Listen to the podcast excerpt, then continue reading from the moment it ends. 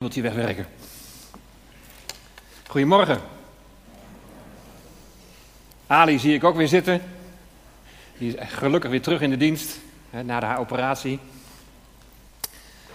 Nou, Lydia, uh, voor herhaling vatbaar zou ik zeggen, want je hebt prima gedaan.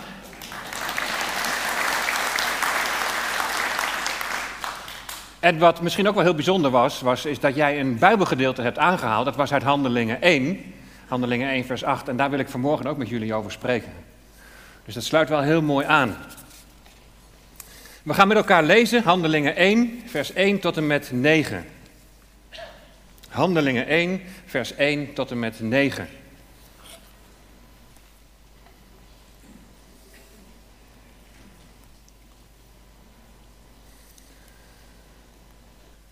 En daar lezen we het volgende. Het eerste boek heb ik gemaakt, Theophilus, over alles wat Jezus begonnen is te doen en te onderwijzen, tot op de dag waarop hij opgenomen is, nadat hij door de Heilige Geest aan de apostelen, die hij uitgekozen had, opdrachten had gegeven. Nou, wat was dat eerste boek? Ik hoor Lucas. Ja, inderdaad, dat was het Lucas-evangelie. Dus handelingen is ook door Lucas geschreven. Je kunt zo, als je aan het einde van, van Lucas leest, dan zie je al helemaal de parallel naar Handelingen hoofdstuk 1. Want ook daar gaat het over de hemelvaart. Dus hij heeft Jezus al opdrachten, Jezus heeft al opdrachten gegeven aan zijn discipelen. Nou, denk maar aan Matthäus 28, vers 19. En maakt al de volken tot mijn discipelen onder andere. En dan lezen we verder in vers 3. Hij heeft zichzelf, nadat hij geleden had, ook levend aan hen vertoond, met veel onmiskenbare bewijzen, veertig dagen lang, waarbij hij door hen gezien werd en over de dingen sprak die het koninkrijk van God betreffen.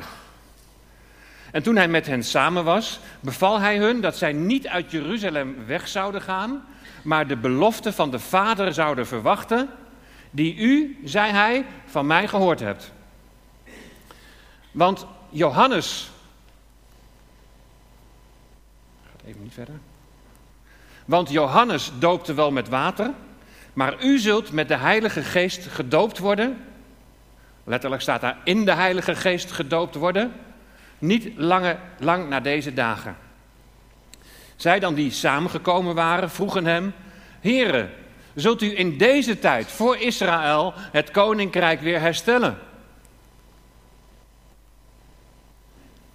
En hij zei tegen hen: het komt u niet toe de tijden of gelegenheden te weten die de Vader in zijn eigen macht gesteld heeft, maar u zult de kracht van de Heilige Geest ontvangen die over u komen zal.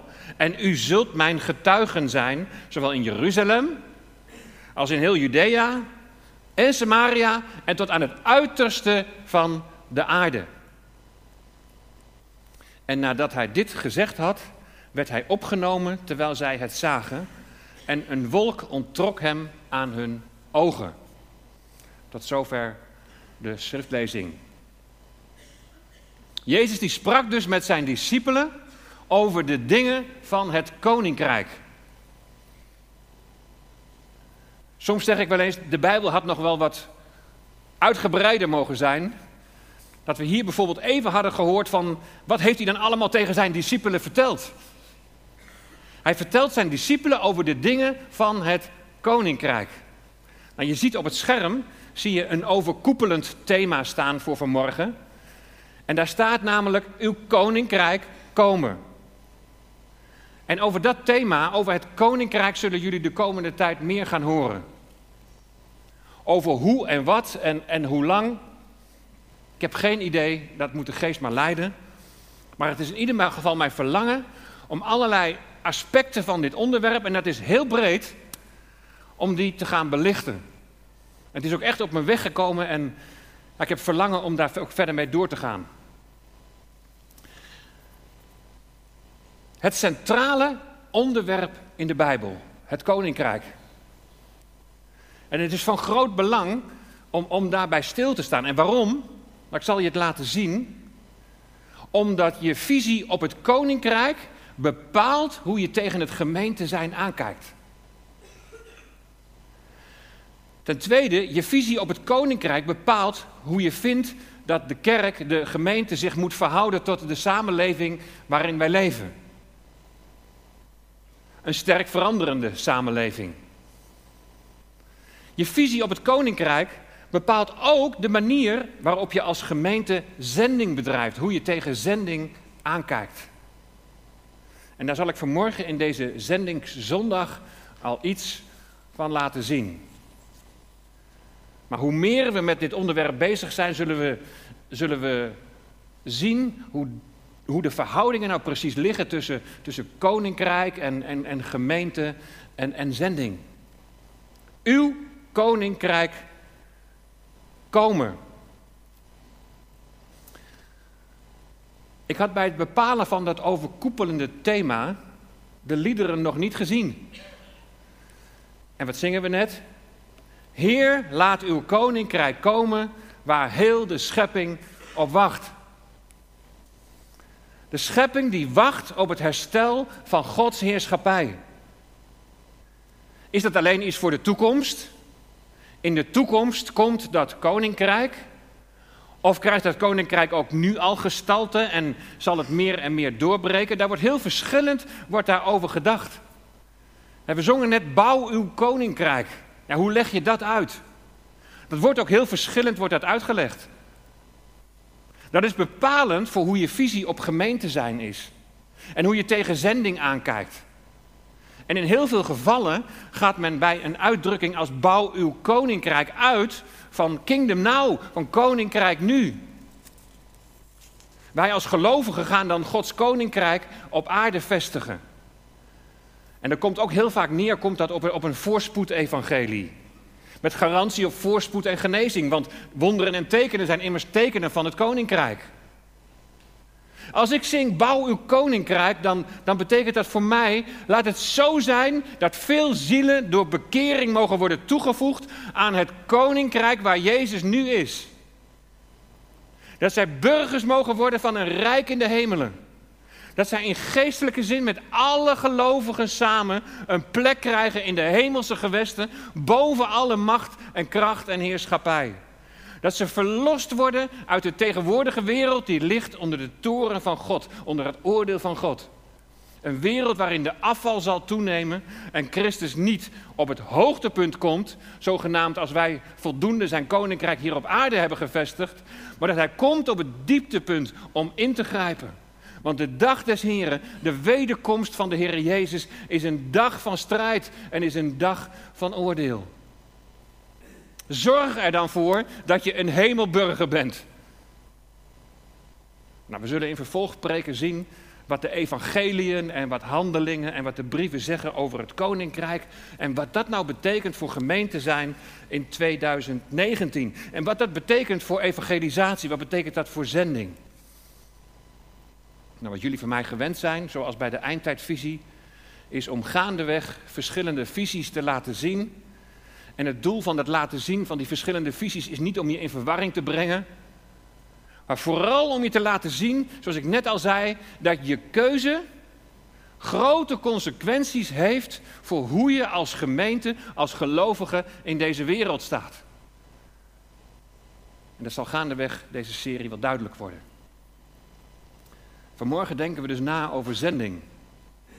En dat doen we naar aanleiding van Handelingen 1, waar Jezus zijn discipelen dus bijpraat over de dingen van het koninkrijk.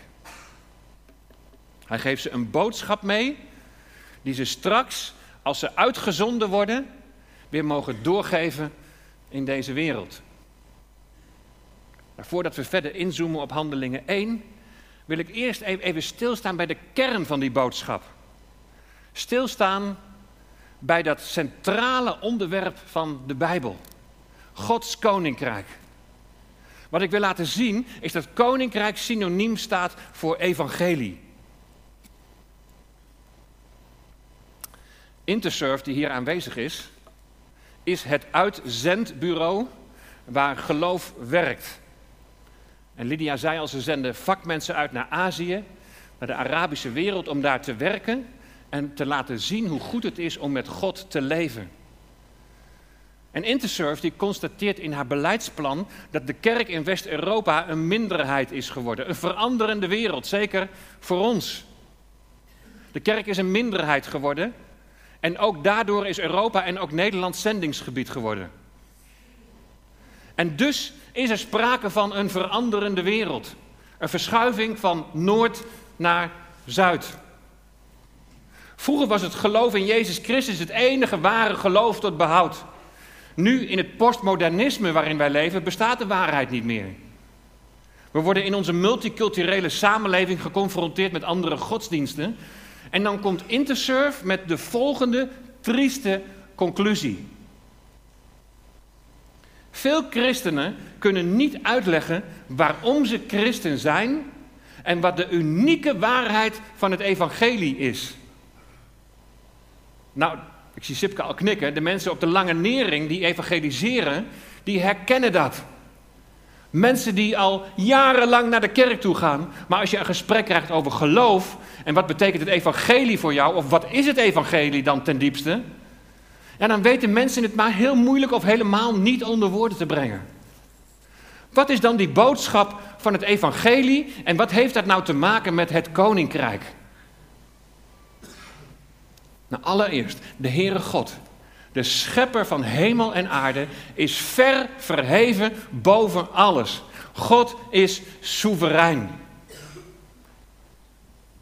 We hebben net gezongen, hij heeft geen rivaal. Ja, natuurlijk, er is een tegenstander, maar die is het niet waard om een rivaal genoemd te worden, want hij staat daar hoog boven verheven. Hij is almachtig. Er gaat niets buiten hem om. Maar de mens de eerste mens, de eerste Adam, Adam betekent mens, heeft zich aan zijn koningschap, aan zijn heerschappij onttrokken. En het heeft consequenties gehad. Die eerste mens, die was geschapen naar Gods beeld en gelijkenis.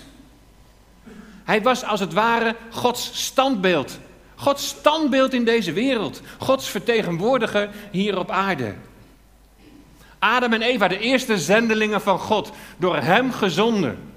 Geroepen om Hem te dienen, om Hem te eren en in afhankelijkheid van Hem te leven. En die eerste mens, die eerste Adam, die had als opdracht gekregen om over deze aarde te regeren. Om haar onder haar gezag te brengen. De mens liet zich echter verleiden door Gods tegenstander, de Satan, die de mens voorhield van je kunt als God zijn. Zelf goed en kwaad onderscheiden. Vanuit eigen kracht het goede doen en het kwade weren. Maar dat kan de mens helemaal niet. Hij levert zich hiermee over aan het kwaad, aan hem die voor het kwaad staat, aan Satan. En zo werd de mens figuurlijk gezien, werd hij onthoofd. Het beeld van God zijn, het standbeeld werd onthoofd. De mens onthoofde als het ware zichzelf door zijn regeertaak, zijn beheertaak over deze wereld in handen te geven van hem die symbool staat voor het kwaad, de Satan. God had de mens gewaarschuwd. Als hij zou eten van die boom van kennis van goed en kwaad, dan zou hij sterven. En het klopt, de mens is sterfelijk geworden. Omdat hij zich overgegeven heeft aan de Satan, die volgens Hebreeën 10, 2 vers 14 de macht heeft over de dood. De mens heeft zijn regeertaak uit handen gegeven. En dat is de reden dat de Heer Jezus tot drie keer toezegt dat de Satan de overste is van deze wereld. De gevolgen daarvan, de geestelijke strijd die daaruit voortkomt, die zie je dagelijks om je heen en die maak je wellicht ook zelf mee. Hij, de overste van deze wereld, is een mensenmoordenaar van den beginnen. Hij is een bedrieger. Hij is een verwoester. Hij heeft maar één doel en dat is alles kapot maken. En de mens is figuurlijk gezien onthoofd Loopt als het ware als een kip zonder kop, zonder richting, zonder doel, zonder focus. Er lijkt zo op het eerste gezicht geen hoop meer voor deze wereld. En waar gaat het heen als je hoort dat Amerika troepen mobiliseert tegen Iran? Waar gaat het heen als je hoort dat Iran met Syrië en Libanon samenspannen tegen Israël? De strijd in het Midden-Oosten, die weer oplaait en die alleen maar toe zal nemen. Is er nog, nog hoop voor deze wereld?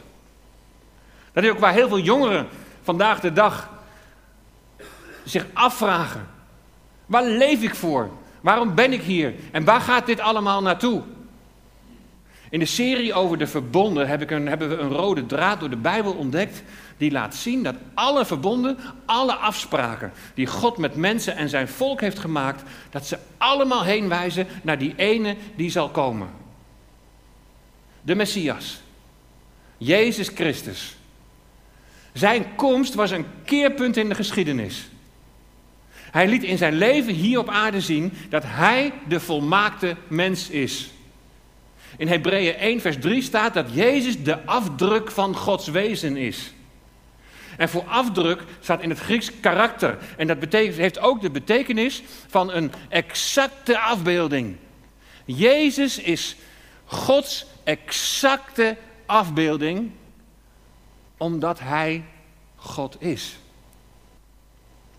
De mens is onthoofd. En wat doet Jezus? Hij herhoofd. Misschien een hele rare uitdrukking, maar, maar laat het me even toelichten. Jezus, die de laatste Adam wordt genoemd, die laat zien hoe de mens oorspronkelijk was bedoeld.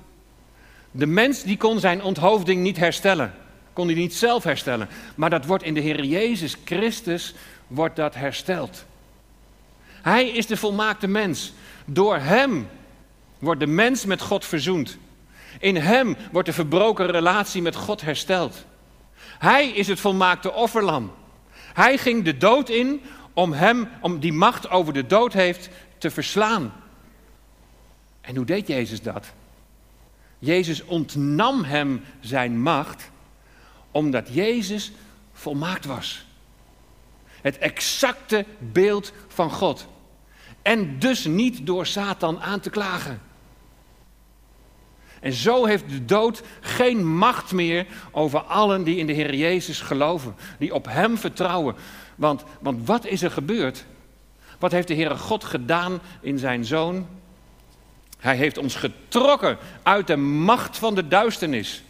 Hij heeft ons getrokken uit de macht van de dood.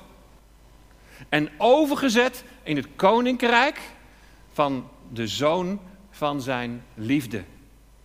In Hem hebben wij de verlossing.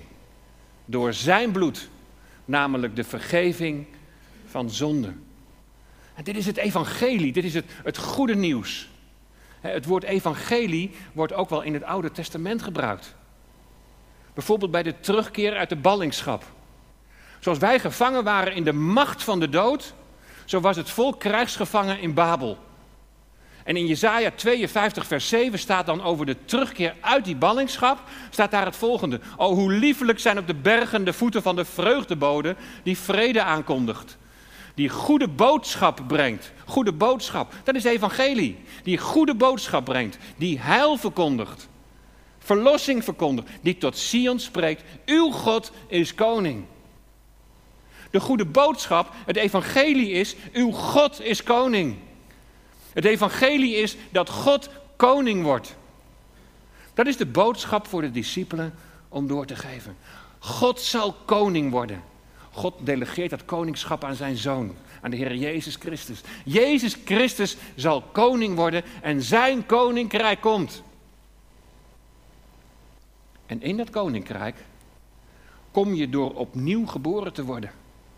Verlossing door zijn bloed, vergeving van zonden en dan in Christus een nieuwe schepping.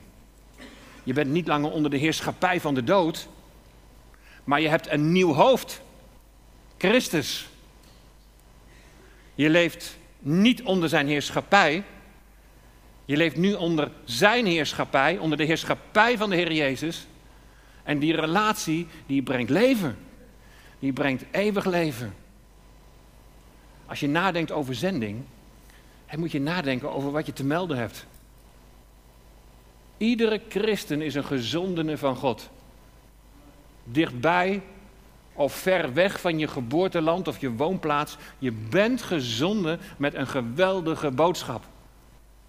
Heer, laat uw koninkrijk komen waar heel de schepping op wacht. De totale van de verlossing van de schepping, die zal nog komen. De mens is onthoofd, Jezus herhoofd. En nu in de tijd van de afwachting van dat koninkrijk hier op aarde, is Jezus het hoofd van de gemeente, van zijn lichaam. In hem is dat oorspronkelijke standbeeld, de mens geschapen naar Gods beeld, hersteld. We hebben weer een hoofd en het hoofd is Christus. En dat hoofd is in de hemel. In hem, als zijn lichaam, zijn wij dat ook. We zijn hemelburgers.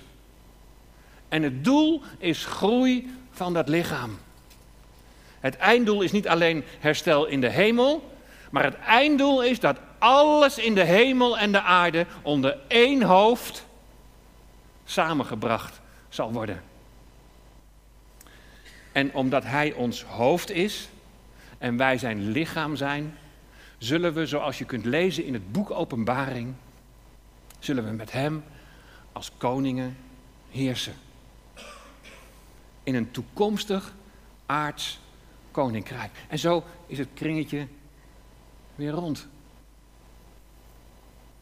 Er valt allemaal nog veel meer te zeggen over, over, over dit, maar dit was in een notendop een rode lijn door de Bijbel. De boodschap van het koninkrijk dat nog komen zal. De boodschap vooral van de komende koning. Het koningschap van de Vader gedelegeerd aan zijn zoon. Ik las ergens de volgende uitspraak. Oh, nou. Je mag hem wel even doorklikken. Dan probeer ik de batterijtjes er even weer in te doen. Ik las ergens de, de volgende uitspraak. En daar staat: Het centrum van de schrift is Gods koninkrijk. En het centrum van het centrum is Jezus Christus. Hij doet het weer. Het centrum van de schrift is Gods koninkrijk. En het centrum van het centrum is Jezus Christus. Als Jezus spreekt over de dingen van het koninkrijk, dan zal hij het met zijn discipelen hebben over de hoop die voor hen ligt. Maar het gaat meer. Het gaat over meer dan, dan dat toekomstige koninkrijk. Want uit het vervolg van handelingen en de brieven blijkt dat het behoren bij dat koninkrijk ook consequenties heeft voor je leven nu. De discipelen hebben hiervoor al de opdracht gekregen: hè, maak al de volken tot mijn discipelen. En als eerste teken van discipelschap worden discipelen van Jezus gedoopt. Om zo te laten zien dat je van het ene koninkrijk, het koninkrijk van de duisternis, bent overgegaan naar het koninkrijk van de zoon. Om zo te laten zien dat je van het ene koninkrijk naar een andere koninkrijk bent overgegaan. In de doop laat je zien, onder andere aan de machten van de duisternis, het oude is voorbij en het nieuwe is gekomen. En een ander aspect van discipelschap is de nieuwe, dat nieuwe discipelen leren onderhouden wat Jezus allemaal bevolen heeft. Je bent overgezet in het koninkrijk van de zoon. Je bent in een nieuwe positie gekomen. En als je bijvoorbeeld de eerste drie hoofdstukken van de brief aan de Efeziërs leest, dan zie je een beschrijving dat je in een nieuwe positie bent gekomen en je leest daar ook hoe je in die nieuwe positie bent gekomen. Door de verlossing met zijn bloed. Eén geworden met Christus. En in hem een positie ontvangen in de hemelse gewesten. Overgezet in het koninkrijk van de zoon. vanaf hoofdstuk 4 lees je dat daar ook een bepaalde wandel bij hoort. Dat je in je gedrag, in je gezin, in je huwelijk, op de werkvloer, in de gemeente, gewoon in je dagelijks leven, laat zien dat Christus je hoofd is. Je laat zien dat je meer en meer verandert naar het beeld van Christus, omdat Hij als hoofd door zijn geest dat in jou bewerkt. En daarin ga je andere mensen meenemen en andere mensen onderwijzen door het voorbeeld in je eigen leven daarvan te laten zien. Dat is discipelen maken. Intersurf die schrijft ook het volgende. Christenen vragen zich meer en meer af wat het in deze tijd betekent om christen te zijn in de praktijk van elke dag. Hoe doe je dat nou? En allemaal dingen die behoren bij die dingen van het koninkrijk, het onderwijs van de Heer Jezus. De discipelen van Jezus die zijn blijkbaar vooral benieuwd naar het tijdstip. Wanneer het koningschap van de Heer Jezus zal doorbreken in deze wereld en zo het koninkrijk voor Israël hersteld zal worden. Jezus corrigeert zijn discipelen niet dat ze nog een koninkrijksverwachting hebben. Hij corrigeert ze ook niet dat ze het heel specifiek over Israël hebben. Het koninkrijk zal komen voor Israël. En alle volken zullen opgaan naar Jeruzalem. Er zal een toekomstig aardskoninkrijk zijn. Maar hij parkeert dit als het ware even. En dan zegt hij, dat is niet aan jullie. Dat is aan de Vader wanneer dat aardse koninkrijk zal doorbreken. Maar nu eerst iets anders. Blijf in Jeruzalem en dan zullen jullie de belofte van de Vader ontvangen. De belofte van de Heilige Geest. Jullie zullen in de Heilige Geest gedoopt worden. Weet je, bij de doop in de geest ligt de nadruk niet op jou als individu, maar de nadruk ligt op het collectief van alle gelovigen samen. In 1 Korinthe 12, vers 13, daar staat dat wij allen door één geest in één lichaam zijn gedoopt, zowel Joden als Grieken. Daar gaat het niet over de waterdoop, daar gaat het over de doop in de geest die je ondergaat als je tot geloof komt. Samen zijn we met één geest gedrenkt, met elkaar verbonden in dat ene lichaam met Christus als hoofd. Paulus die legt dit geheimenis uit. Gelovige Jood en gelovige Heiden samen in één lichaam met Christus als hoofd. En daarom zullen ze ook niet alleen maar getuigen zijn in Jeruzalem en heel Judea, maar ook in Samaria en zelfs tot het uiterste van de aarde. Jezus zendt zijn apostelen uit. Tot aan het uiterste van de aarde. God heeft alle volken heeft hij op het oog. Al vanaf het begin. Dan laten we nog eens kijken wat er precies staat in vers 8. U zult de kracht van de Heilige Geest ontvangen. Lydia die las het vanmorgen ook al met ons. U zult de kracht van de Heilige Geest ontvangen, die over u komen zal. En u zult mijn getuigen zijn, zowel in Jeruzalem als in heel Judea en Samaria en tot aan het uiterste van de aarde. Ze zullen kracht ontvangen.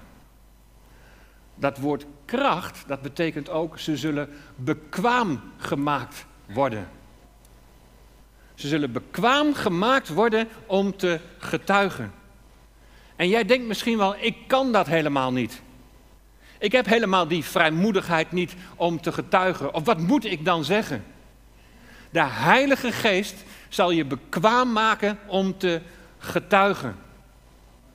Soms zijn er mensen die het moeilijk vinden als ze gedoopt willen worden om hier een getuigenis te geven. Nou, Lydia wou ook liever wegrennen. En ik kan me dat allemaal best wel voorstellen.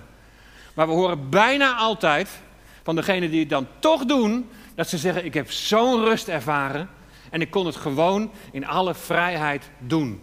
Misschien best wel met wat spanning, maar de Heilige Geest geeft kracht. De Heilige Geest maakt bekwaam om te getuigen.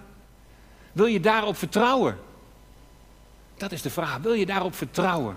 Dat Gods Geest je zal leiden. Dat Hij de kracht zal geven. Dat Hij je bekwaam zal maken. Zodat je ook die vrijmoedigheid hebt om iets te zeggen. En dan gaat het niet om allemaal prachtige woorden en prachtige volzinnen. Maar spreek maar gewoon vanuit je hart. Geleid door Gods geest. Concreet zullen ze ook kracht nodig hebben, omdat getuigen betekent dat ze vervolgd zullen worden. Ze zullen met tegenstand te maken krijgen. Ze hebben de kracht van de geest nodig om staande te blijven. Voor getuigen staat in het Grieks het woordje martyres. Je ziet het daar staan. Dit woord dat staat voor iemand die als getuige bij iets aanwezig is geweest en die voor de waarheid ervan kan instaan. De waarheid dat Jezus de opgestane Heer is. Lees maar eens heel handelingen door en dan zie je voortdurend dat getuigenis. Jezus is de levende. Hij is de opgestane Heer. Dat is het getuigenis. Ze hebben hem gezien. Ze weten het zeker. Maar de verkondiging van de waarheid, dat hij de komende koning is, zal op weerstand stuiten. Het woord martyres staat ook voor degene die zijn geloof in Jezus heeft bezegeld met zijn dood. Die daarvoor ter dood is gebracht. Een bloedgetuige. Zo komen wij aan het woord martelaar. Getuigen zijn van Jezus Christus. Hier zijn de discipelen van Jezus, zijn de eerste zendelingen. Zendelingen die onderwijs hebben ontvangen over de dingen van het koninkrijk en vervolgens zijn uitgezonden met de opdracht om discipelen te maken onder de volken. In het besef dat ze zullen lijden om Christus wil. Maar hoe vertalen we dit nou allemaal naar de situatie van ons vandaag? Onze visie als gemeente is: wij eren God door toegewijde discipelen van de Heer Jezus Christus te zijn en te maken. Laat het maar eens even op je inwerken. Je kunt denken, mooi, mooie visie voor zo'n groep mensen, maar wat betekent dat nou voor mij persoonlijk? Wij eren God door toegewijde discipelen van de Heer Jezus Christus te zijn en te maken. Vorige week heeft Corné Burger al een prachtige voorzet gegeven over die toewijding. Hij heeft het over toewijding gehad en hij nam een voorbeeld uit het Oude Testament, een voorbeeld van Daniel. En hij noemde vijf kenmerken van Daniel.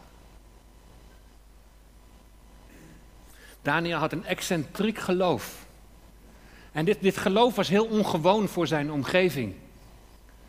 En dat kwam, staat er in Daniel, door die uitzonderlijke geest. Hij had een toegewijde levensstijl. Toegewijd aan zijn koning, aan zijn Heer. Hij had een krachtig getuigenis. Hij maakte compromisloos maakte hij keuzes. Hij sloot geen compromissen. En hij vertrouwde volledig op God. Kenmerken van een toegewijde volgeling van God. Nou, we kunnen dat zo doorvertalen als kenmerken van een toegewijde discipel van de Heer Jezus.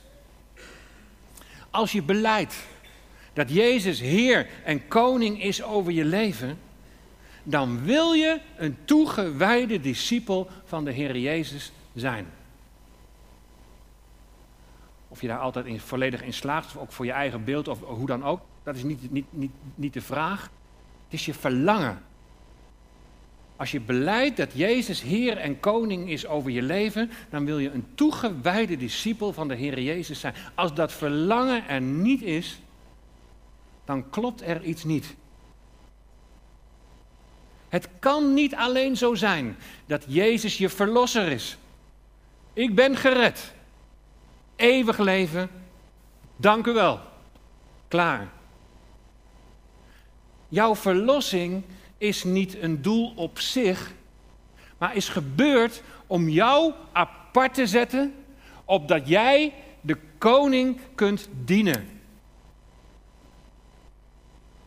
Corné die vertegenwoordigt net als Jurjan OM. En in een filmpje van, van OM, daar werd gezegd dat een levendige gemeenschap zichzelf vermenigvuldigt. Een levendige gemeenschap van volgelingen van Jezus, die zich aan Hem toewijden, dat is tijdloos. Dit staat nog helemaal los van een veranderende wereld. De wereld waarin wij leven. Vermenigvuldiging begint niet allereerst met allerlei creatieve vormen van zending bedenken die bij deze veranderende wereld passen. Maar vermenigvuldiging begint allereerst met toewijding, met veranderde levens, met biddende gelovigen die laten zien dat Jezus Heer is over hun leven. OMF die heeft met grote letters op haar site staan: aanbidding van God is wat ons drijft. En wat is dan zending? Het verlangen bij zending is dat velen worden toegevoegd om met ons God te aanbidden.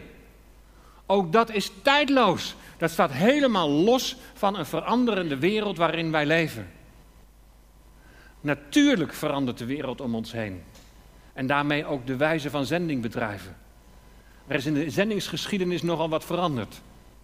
In het begin van de zendingsgeschiedenis werd zending bedreven door zogenaamde zendingsgenootschappen. Individuele kerken die droegen dan zendingskandidaten voor en brachten geld bijeen dat dan aan het zendingsgenootschap werd toevertrouwd. En de inzet van zendelingen was een zaak van dat zendingsgenootschap. Die bepaalde waar en hoe mensen werden ingezet. En veel zendelingen zagen hun bediening inderdaad als een levenslange taak. Ze wisten niet of ze ooit nog weer thuis zouden komen.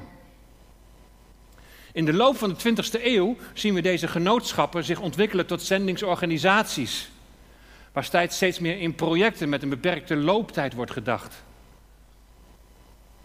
En een beweging die je nu ziet is dat zendingsorganisaties niet langer de zending van plaatselijke gemeenten willen overnemen, maar gemeenten daarin willen ondersteunen. Zo wordt de verantwoordelijkheid voor zending wordt weer teruggelegd in de gemeente. Waar die mijns inziens ook hoort. Deze beweging zien we ook bij de, bij de zendingsorganisaties die hier vanmorgen aanwezig zijn. Natuurlijk is het logisch dat je in een veranderende wereld creatief nadenkt over nieuwe vormen terwijl de inhoud hetzelfde blijft. En een voorbeeld van zo'n nieuwe vorm is internetzending, wat Global Rise doet. Het motto van Global Rise is van Facebook naar kerk. Ze willen met de beweging van Facebook naar kerk willen ze bijdragen aan de vermenigvuldiging van huisgroepen en kerken. En dan staat er op hun website dat ze daarbij, dat ze daarbij de kerk niet statisch opvatten als slechts bestaande kerken. Maar weet je, dat, klinkt me als muziek in de oren. Dat, dat lijkt me heel goed. Want ik denk dat de kerk helemaal niet statisch is bedoeld. De kerk is veel te sterk een instituut geworden. De kerk, de gemeente, zou veel meer een beweging moeten zijn. Daarom ben ik blij met initiatieven als Zuid zoekt of Vollenhoven zoekt. Bewegingen gebaseerd op discipelschap. En je blijft niet vrijblijvend kerkbezoeker, maar je wordt leerling van Jezus. En je wilt veranderen naar zijn beeld. Weet je wat, wat Global Rise beschrijft over discipelschap, over toerusting van nieuwe gelovigen? Dat kun je toepassen op zending ver weg. Maar het is ook toepasbaar op gelovigen hier, nu. En daarmee vervalt de scheiding ook tussen kerk en zending. Zo wordt zending ook een DNA van de gemeente, als een vanzelfsprekendheid. Je wilt groeien in bruikbaarheid voor Hem. Hij is immers Heer over jouw leven. Dit is wat in kleine groepen zou kunnen plaatsvinden. Groepen die gericht zijn op vermenigvuldiging. In het verleden zijn net als bij ons huiskringen vaak opgezet om de onderlinge zorg voor gemeenteleden te waarborgen. En dat is, dat is prima. Daar is helemaal niks mis mee. Dat past ook helemaal bij onze pijler schuilplaats. We hebben dit in de gemeente al wel eens laten zien, wat onze missie en visie is. En dat we daar een aantal pijlers hebben, waaronder we onze activiteit of de dingen die we zo samen doen, daaronder scharen. En we zijn inderdaad, we mogen een schuilplaats zijn. En daar die onderlinge zorg ook met elkaar waarborgen. En op elkaar letten. Maar we hebben meer pijlers. Rustplaats betekent een plaats van toerusting. Jezus belooft rust. En dan zegt hij: Neem mijn juk op u en leer van mij. Leren aan de voeten van de Heer Jezus. Elkaar toerusten in het woord van God. Niet alleen vanmorgen, maar ook door de week als je elkaar ontmoet. Elkaar toerusten in je praktische leven met Jezus. Maar dan moet je wel op elkaar betrokken zijn en elkaar regelmatig ontmoeten. De huiskring is een uitstekende plaats als oefenplaats. Kringleider worden, het leiden van een kring. Of een avond gewoon iets delen uit het woord. Iets wat je de dagen daarvoor heeft aangesproken, misschien wel één tekst. En dat je zegt, maar dit heeft mij geraakt. En dit betekent iets in mijn leven vandaag. Praktisch iets voor elkaar doen. Een prachtige oefenplek. Een levendige gemeenschap zijn met elkaar. Niet alleen op die zondagmorgen, maar juist een beweging zijn in deze wereld. En de pijlen uitvalsbasis. Vermenigvuldiging. En dat kan zijn misschien wel weer een nieuwe kring vormen, omdat de kring te groot geworden is. Omdat er mensen zijn toegevoegd die tot geloof zijn gekomen. Het kan ook zijn een missionaire activiteit met elkaar gaan doen. En het kan ook zijn uitgezonden worden naar ver weg. Het een sluit het ander niet uit. Een levendige gemeenschap, daar waar het leven van Jezus is, daar vermenigvuldigt het zich vanzelf. Zo wordt zending het DNA van de gemeente naar buiten gericht. Dan is er geen onderscheid meer tussen zending en evangelisatie. De wereld verandert. Vormen zullen van tijd tot tijd veranderen, maar de goede boodschap blijft hetzelfde. De roeping van de gemeente blijft hetzelfde. Dat is deelnemen aan Gods missie. En het is Gods missie om onderdanen te verzamelen uit deze wereld die onder het oordeel ligt. Ze toevoegen in zijn rijk. En dan straks herstellen in de hemel en op de aarde en alles onder één hoofd samenbrengen. Doordat wij in Christus zijn, verbonden met de koning, laten wij in deze wereld al iets van dat koninkrijk zien.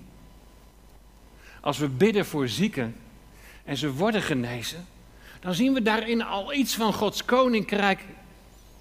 Waar geen rouw, geen tranen, geen verdriet en geen ziekte meer zal zijn. Dat claimen we niet. Het is ook geen doel op zich. Maar we prijzen God als het gebeurt. We mogen al iets zien van wat straks zal gaan komen.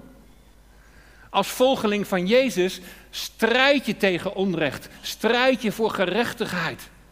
Daar gaan we zo meteen ook van zingen. En dan zingen we zo meteen: mensen worden uitgebuit, weggeschopt en opgesloten. Zegen hen als wij hen troosten. Stort in ons uw tranen uit. Dat we met bewogenheid van de Heer Jezus in deze wereld zullen handelen tegen onrecht. Ondanks dat we weten dat in deze wereld het onrecht niet zal verdwijnen. Het is niet zo dat door gerechtigheid te doen steeds meer en meer Gods koninkrijk hier op aarde wordt gevestigd. Maar als wij strijden voor gerechtigheid, dan laten we al iets zien van dat komende koninkrijk dat komt. Dat aardse koninkrijk waar Jezus koning is en waar vrede en gerechtigheid zal zijn. Een veranderende wereld. De ontkerkelijking in West-Europa, in Nederland. Het positieve aan dit alles is dat het ons doet herbezinnen op gemeente zijn en zending bedrijven zoals God dat heeft bedoeld. Zending teruggelegd bij de plaatselijke gemeente, die geroepen is om discipelen te maken. Dat mensen tot geloof komen en, volwassen, en tot volwassenheid brengen in de Heer Jezus Christus. Eén organisatie heb ik nog niet genoemd. CLC. En Ruud Kuijer die staat straks met uh, christelijke lectuur en andere dingen. En de missie van hen is dat het lezen van christelijke lectuur mag bijdragen dat mensen tot geloof en volwassenheid komen in de Heer Jezus Christus. Wat is dat belangrijk om tot volwassenheid in geloof te komen? En Gert die vertelde nog een prachtig verhaal ook over een bijzondere bediening van iemand daar in Thailand. En dat velen tot geloof waren gekomen en velen waren gedoopt. En wat was de kracht? Er was een programma erna. Het hield niet op me. Fijn dat jij tot geloof bent gekomen. Fijn dat je je hebt laten dopen en je bent verlost, je bent bevrijd en je bent gered. Dank u wel. Nee, dan gaat het pas beginnen. Mensen tot volwassenheid in geloof brengen. Volwassenheid wil zeggen dat je vastgeworteld bent in het geloof. Dat betekent dat je volkomen op Jezus vertrouwt. De komende koning, die wil vandaag in jouw leven regeren. Hij wil in de gemeente, wil hij regeren. Geef je over aan hem. En wijd je aan Hem toe. Leef en beweeg in Hem. En zie wat Hij gaat doen. Dan komt er een beweging naar buiten. Want dan, als je zo vol bent van datgene wat je zelf hebt ontvangen, kun je dat niet voor jezelf houden. Maar wil je dat delen door de kracht van de Heilige Geest, die je woorden zal geven, die je zal helpen om steeds meer op Hem te gaan lijken en zo een getuige te zijn in deze wereld. Amen. Laten we samen bidden.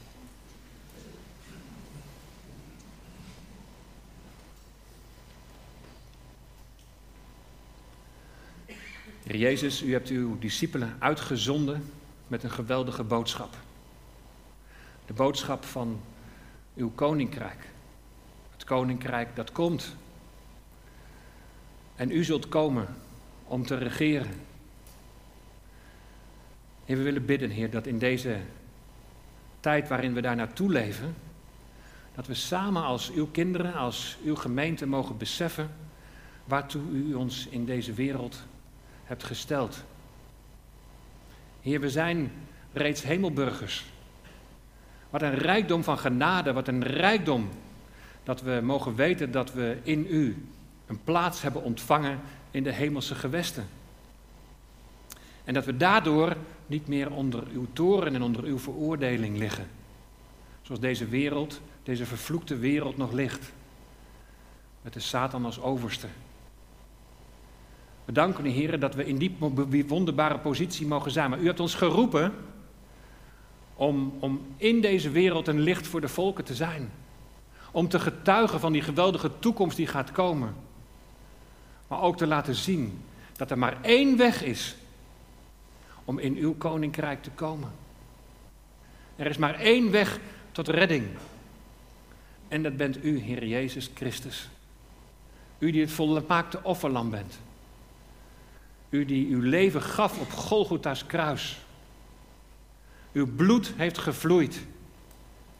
U heeft ons bevrijd uit de macht van het kwaad, uit de macht van de boze. En ons overgezet in het koninkrijk van de zoon. En we loven en we prijzen en we danken u daarvoor. Hier, we zijn allemaal gezondenen. Gezonden om die heerlijke boodschap te verkondigen.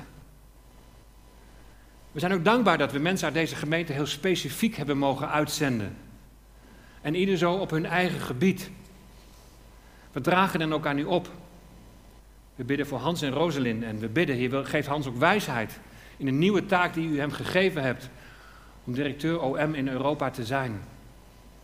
Dat uw kerk, dat uw gemeente gebouwd mag worden in Europa. En dat OM daar een bijzondere rol en taak ook in mag hebben.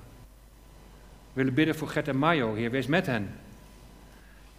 Zegen hen in de taak die je hen gegeven hebt in Thailand, waar ze onder de vlag van OMF u mogen dienen. En waar ook uw gemeente wordt gebouwd. En we bidden ook in bijzonder voor Joop, voor Joop Strietman. Heer, het voelt al zo raar om niet in één adem Joop en Annie te zeggen. Heer, we bidden voor Joop. Geef hem troost, bemoedig hem. Geef hem uw kracht, uw, schenk hem uw nabijheid. Heer, ook in het alleen zijn en alleen verder moeten. Heer, hoe bijzonder hebt u hen samen gebruikt in de boodschap van het evangelie over de hele wereld. Heer, we willen bidden voor Douwe en Jurico. Heer, wilt u ook hen zegenen en zegen ook Douwe in het werk wat hij mag doen voor OM Schepen. Heer, wat geweldig, Heer, dat schepen over de hele wereld gaan en dat mensen daar in aanraking mogen komen met het evangelie.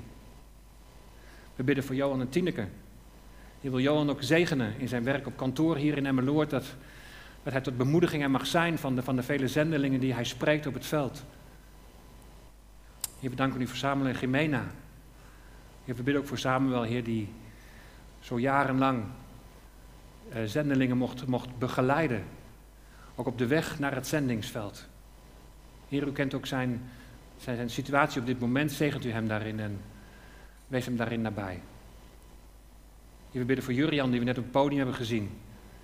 Heer, wat mooi dat hij ook in deze ondersteunende taak zoveel mag betekenen. Vervul hem, Heer, met uw wijsheid en met uw inzicht. En dat hij tot zegen mag zijn voor OM. We bidden voor Oscar Lohuis, die ook uitgezonden is uit deze gemeente. En die zo door, de hele, door heel Nederland gaat om de boodschap van het evangelie te brengen. Zegen hem zo samen met Lois en hun gezin, hun kinderen. Wees hen dicht nabij en zegen zijn bediening. Heer, dank u wel dat we zo en allen naar u mogen opdragen. Maar Heer, mensen uitzenden betekent niet dat het ons ontslaat van onze eigen verantwoordelijkheid om een getuige van u te zijn. Vervul ons met uw Heilige Geest. Dat we in het christen zijn, in het getuigen zijn, die kracht van uw geest ook dagelijks mogen ervaren. Heer, want we kunnen het van onszelf niet. We kunnen niets van onszelf. We willen onze afhankelijkheid naar u uitspreken en beleiden dat u koning bent. Halleluja. Amen.